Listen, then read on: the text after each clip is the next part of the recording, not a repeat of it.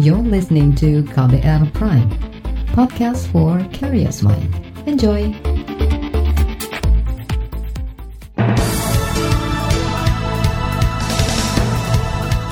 Selamat pagi saudara, senang sekali rasanya saya Reski Mesanto hadir kembali pagi hari ini di program Buletin Pagi edisi 30 September 2020. Pagi hari ini tim redaksi KBR telah menyiapkan informasi terkini untuk Anda. Di antaranya, hasil kerja Luhut Binsar Panjaitan dan Doni Monardo tangani COVID-19 belum signifikan.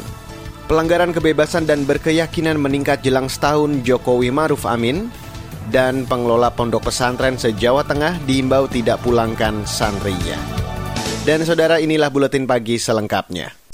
Terbaru di buletin pagi. Saudara Presiden Joko Widodo dua pekan lalu memerintahkan Menko Kemaritiman dan Investasi Luhut Binsar Panjaitan menekan laju penambahan kasus baru COVID-19 di sembilan provinsi dengan tingkat penularan tinggi. Luhut didampingi Ketua Satgas Penanganan COVID-19 yang juga Kepala BNPB Doni Monardo. Kesembilan provinsi itu adalah DKI Jakarta, Jawa Tengah, Jawa Barat, Jawa Timur, Kalimantan Selatan, Sumatera Utara, Sulawesi Selatan, Papua, dan Bali. Kemarin, tenggat waktu tugas Luhut dan Doni berakhir. Lantas, bagaimana evaluasi kerja keduanya? Saudara Ketua Satgas Penanganan COVID-19 Doni Monardo mengklaim jumlah kasus aktif COVID-19 dalam satu bulan terakhir menunjukkan penurunan. Doni menyebut keberhasilan itu menyusul arahan Presiden Jokowi untuk fokus menangani penyebaran virus corona di sejumlah provinsi prioritas. Keberhasilan juga merupakan hasil identifikasi permasalahan bersama, termasuk pakar epidemiologi. Klaim ini disampaikan Doni dalam rapat terbatas dengan Presiden kemarin. Ya, itu saya kan sekarang masih dalam progres ya. ya kita belum bisa mengatakan bahwa tidak ada impact ya. Kan kita harus lihat dulu sampai batas akhir ini ya seperti apa. Saja beliau akan melaporkan langsung ke Presiden terkait progres penanganan COVID ini. Ya, saya yakin artinya atau pemerintah ya uh, sudah memberikan kepercayaan pada beliau untuk menyelesaikan uh, atau menekan angka positif COVID di 9 provinsi itu dan uh, saya kira beliau sudah bekerja dengan baik. Ketua Satgas Penanganan COVID-19 Doni Monardo menyebut keberhasilan menurunkan jumlah kasus aktif virus corona selama satu bulan terakhir juga berkat pemisahan pasien berpenyakit penyerta atau komorbid. Jumlah pasien sembuh juga diklaim terus meningkat seiring turunnya jumlah pasien meninggal. Doni menegaskan setiap pasien COVID-19 harus segera mendapat pertolongan medis, jangan sampai menunggu kondisinya kritis. Namun fakta di lapangan memperlihatkan kenyataan berbeda. Di Papua yang menjadi salah satu dari sembilan provinsi yang ditangani Luhut Binsar Panjaitan dan Doni Monardo, jumlah kasus positif COVID-19 justru terus meningkat. Ketua Harian Satgas Penanganan COVID-19 Papua, Wilam Mandiri, menuturkan, hingga kemarin jumlah total kasus positif virus corona di Papua 5.900-an orang. Pasien yang masih dirawat 2.000-an orang, jumlah pasien sembuh 3.800-an orang, dan 86 pasien meninggal. Proporsi kasus meninggal, kasus positif dari 1,3 persen menjadi 1,4 persen atau naik 7,6 persen. Dibandingkan adaptasi new normal tahap sebelumnya, Jumlah kasus tersebut baik positif harian yang dirawat 14 persen menjadi 33,9 persen naik 142 persen. Ketua Harian Satgas Penanganan COVID-19 Papua, Wilam Mandiri menyimpulkan, laju penambahan kasus positif COVID-19 di Papua selama dua pekan terakhir naik sangat signifikan, atau 244 persen. Fakta lain menunjukkan jumlah kematian selama dua kali masa inkubasi melesat dari 10 menjadi 44 kasus kematian. Kemarin, otoritas Papua bahkan memperpanjang masa adaptasi kenormalan baru hingga akhir Oktober nanti.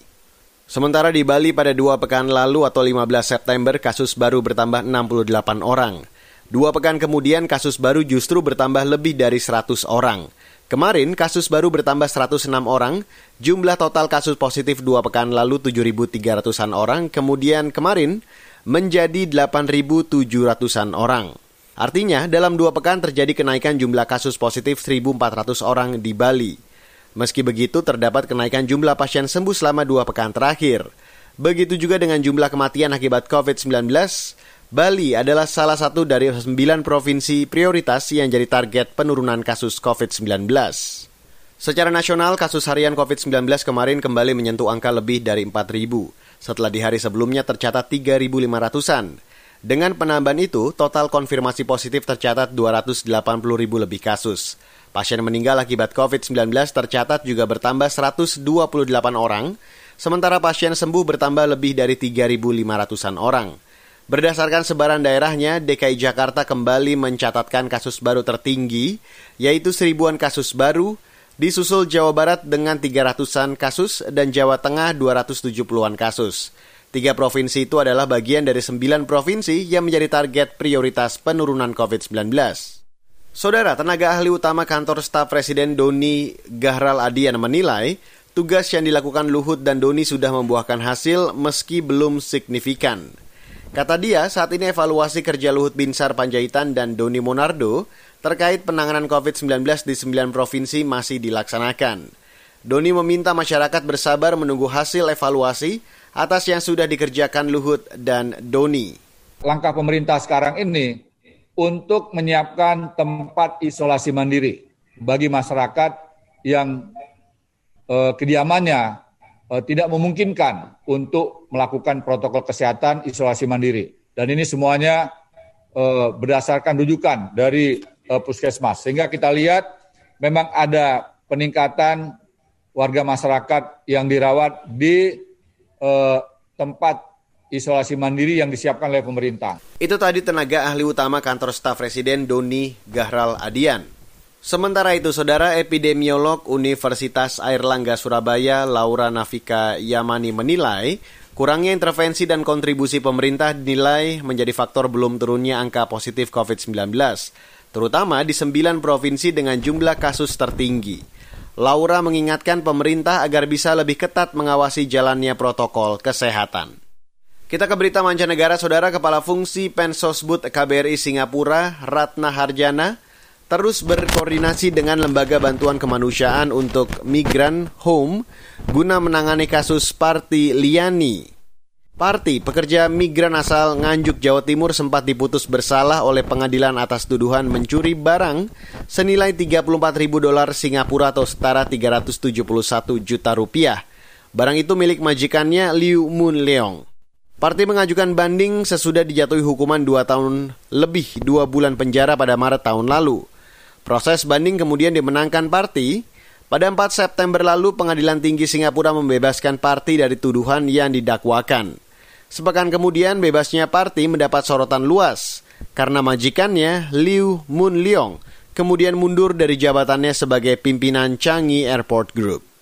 Saudara KPK menunggu alasan MA memotong hukuman koruptor yang ajukan PK. Informasinya usai jeda tetaplah di Buletin Pagi KBR. You're listening to KBR Pride, podcast for curious mind. Enjoy!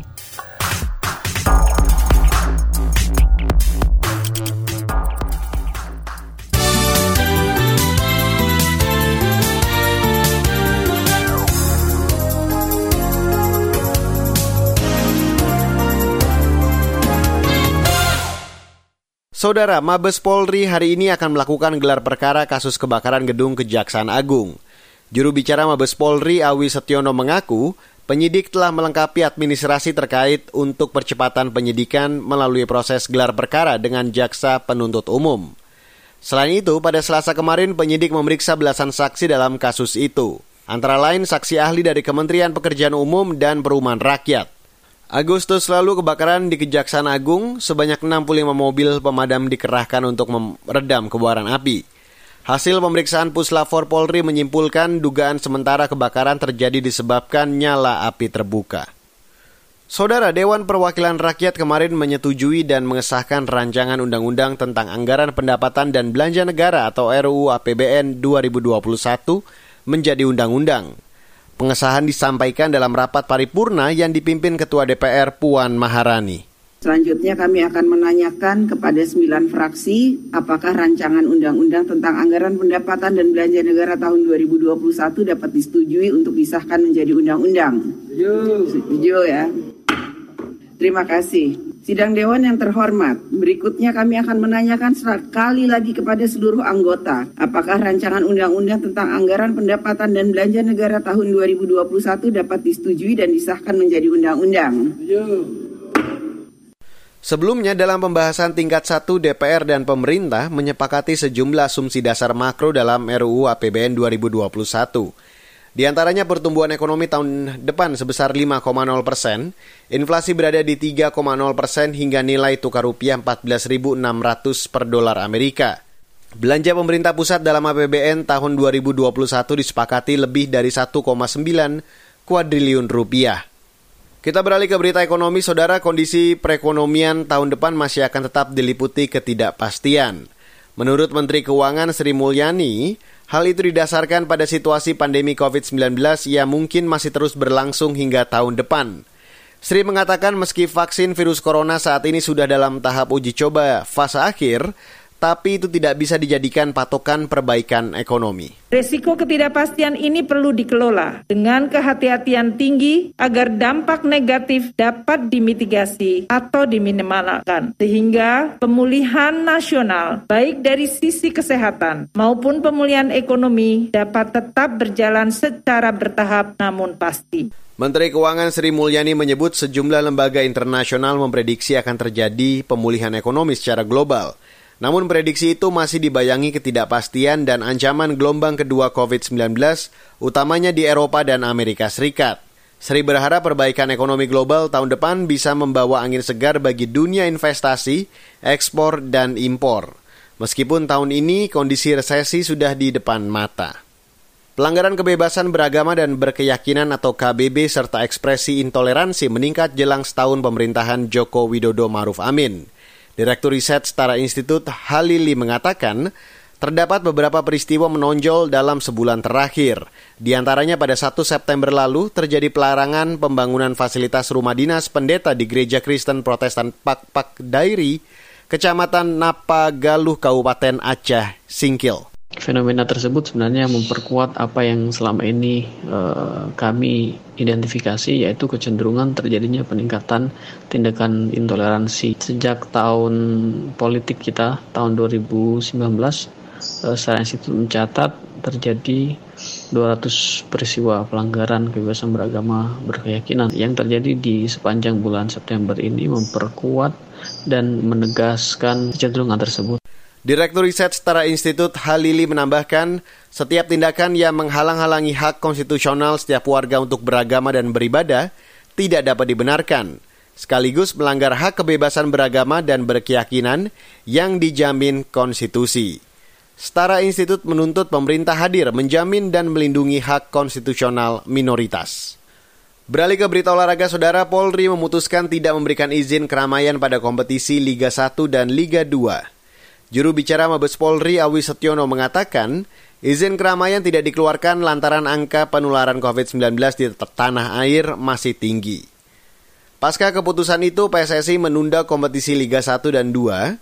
Semula kompetisi akan dimulai 1 Oktober, namun diundur menjadi November 2020. Menurut Direktur Utama PT Liga Indonesia Baru Ahmad Hadian Lukita, Dampak penundaan kompetisi membuat penyelenggara liga terpaksa mengkomunikasikan kembali banyak hal. Misalnya subsidi untuk semua klub dan pembiayaan dengan pihak sponsor. Saudara, laporan khas KBR bertajuk Warga Syiah Sampang Anut Aswaja, Presiden Buruk Toleransi. Akan kami hadirkan usai jeda, jadi tetaplah bersama kami di Buletin Pagi KBR.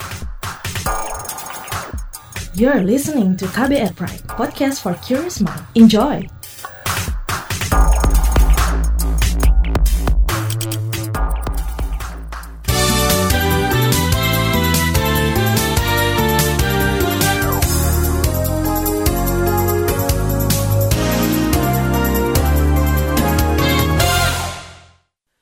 Saudara, ratusan pengungsi Syiah Sampang di Sidoarjo, Jawa Timur bakal beralih menganut Islam arus utama.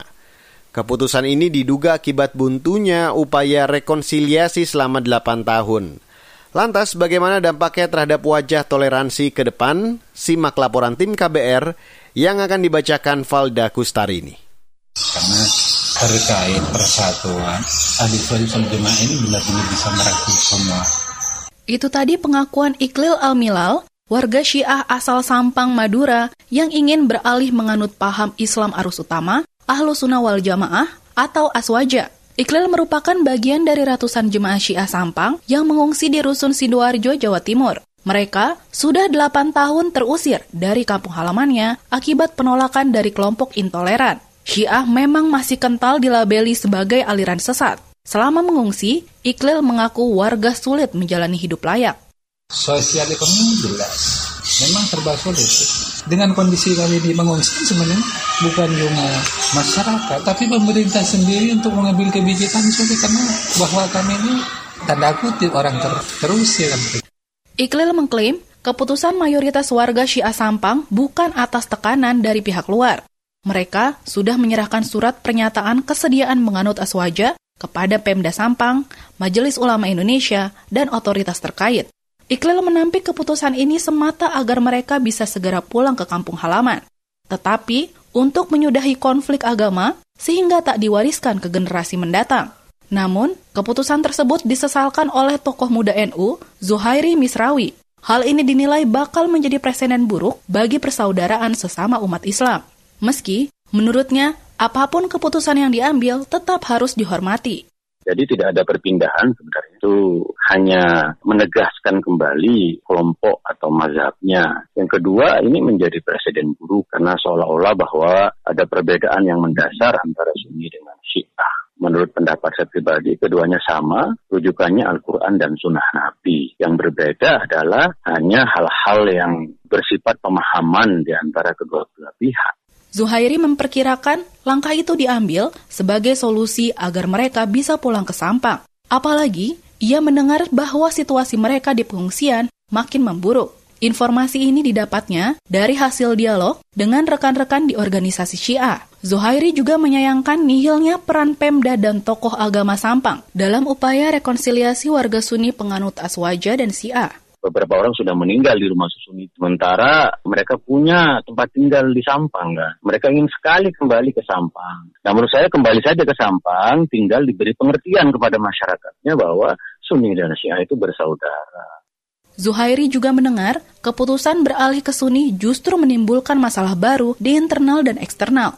Pemimpin Syiah Sampang, Tajul Muluk, kini mulai ditinggalkan sebagian pengikutnya. Di sisi lain, banyak kalangan aswaja yang sanksi dengan komitmen Tajul Muluk. Zuhairi berharap persoalan ini bisa diselesaikan agar tak berimbas pada warga Syiah ataupun kelompok minoritas di tempat lain. Ia khawatir kasus Syiah Sampang bakal kontraproduktif dengan semangat kebinekaan dan toleransi yang tengah diperjuangkan. Lalu di manakah Pancasila, di manakah keindonesiaan kita? Di manakah ke Islam Islam moderat? Islam moderat itu definisinya adalah menerima kebinekaan di dalam Islam itu sendiri. Hal serupa juga menjadi kekhawatiran peneliti Halili dari Setara Institut. Beralihnya jemaah Syiah menjadi kelompok aswaja bisa dijadikan legitimasi kelompok intoleran untuk memaksakan kehendak. Ini kan sekaligus pembenaran. Seakan-akan tindakan intoleransi yang diekspresikan oleh kelompok intoleran di banyak tempat itu tinggal ngulur-ngulur waktu agar yang mereka tekan itu bisa mau seperti apa yang mereka tuntutkan. Ini akan menjadi presiden tentu saja. Halili juga menduga kuat keputusan ini adalah bentuk kompromi dari warga Syiah karena sudah bertahun-tahun hidup sengsara di pengungsian. Peluang kembali ke Sampang selalu bersyarat yakni dengan menanggalkan ajaran Syiah. Kalau syarat utamanya di Madura itu kan menuntut untuk mereka berikrar dan kembali lagi pada Sunni kembali dalam konteks tuntutan ulama-ulama Madura yang selama ini memang intoleran terhadap uh, eksistensi Syiah di sana, terutama Syiah uh, Sampang ya. Menurut catatan setara, belum pernah terjadi peralihan keyakinan secara masif sebelumnya. Namun, ada kelompok minoritas seperti penghayat kepercayaan yang bersedia memeluk agama yang diakui negara supaya tercatat secara administrasi. Bagi Halili, kasus Syiah Sampang ini menjadi bukti negara gagal menjalankan konstitusi dalam menjamin kebebasan beragama.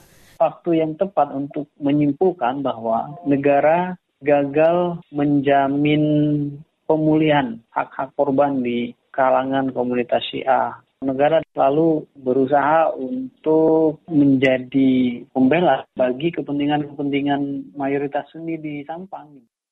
Demikian laporan tim KBR, saya Valda Kustarini. Saudara informasi dari daerah akan kami sajikan usai jeda, tetaplah di Buletin Pagi KBR. You're listening to KBR Pride, podcast for curious mind. Enjoy!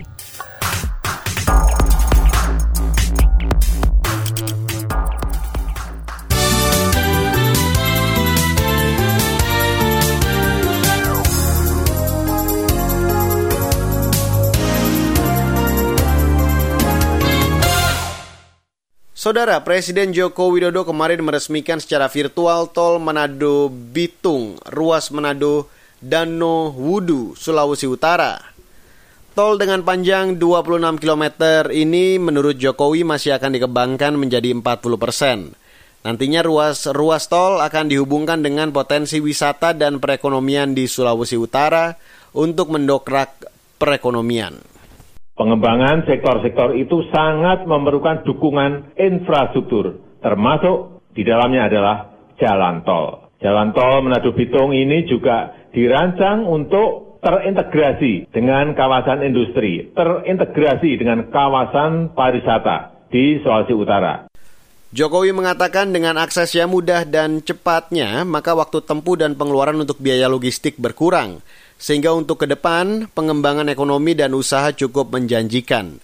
Jokowi juga meminta Gubernur Sulawesi Utara untuk benar-benar mengembangkan potensi wilayahnya. Saudara, seluruh pengelola pondok pesantren di Jawa Tengah diimbau tidak memulangkan para santrinya untuk sementara waktu. Wakil Gubernur Jawa Tengah Taj Yasin Maimun menjelaskan, himbauan itu bertujuan menghentikan penyebaran COVID-19 dari pergerakan santri. Saya berharap tolong bisa berkoordinasi dengan gugus tugas sehingga jangan sampai santri ini langsung dipulangkan gitu saja. Kekhawatiran kami kalau lalu, lalu langsung dipulangkan atau diliburkan terus dibubarkan itu khawatirnya mereka akan memberikan penyebaran di kampungnya masing-masing. Maka tahan dulu, laporkan dulu kepada kami. Insya Allah kami akan membantu apa yang perlu di apa uh, perlukan di daerah di pondok pesantrennya. Wakil Gubernur Jawa Tengah Taj Yasin Maimun mengingatkan apabila ada santri yang terinfeksi positif virus corona, maka pengurus pondok pesantren harus segera berkoordinasi dengan gugus tugas penanganan COVID-19. Dari informasi yang dihimpun KBR, sejumlah pondok pesantren yang tersebar di Batang, Kendal, Kebumen, Banyumas, dan Pekalongan sudah melaporkan adanya indikasi kasus virus corona. Dan saudara informasi tadi menutup jumpa kita di Buletin Pagi hari ini. 30 September 2020. Pantau juga informasi terbaru melalui kabar baru, melalui website kbr.id, Twitter kami at berita KBR, serta podcast melalui kbrprime.id. Saya Reski Mesanto, mewakili tim redaksi yang bertugas pagi hari ini mengucapkan terima kasih. Kami undur diri. Salam.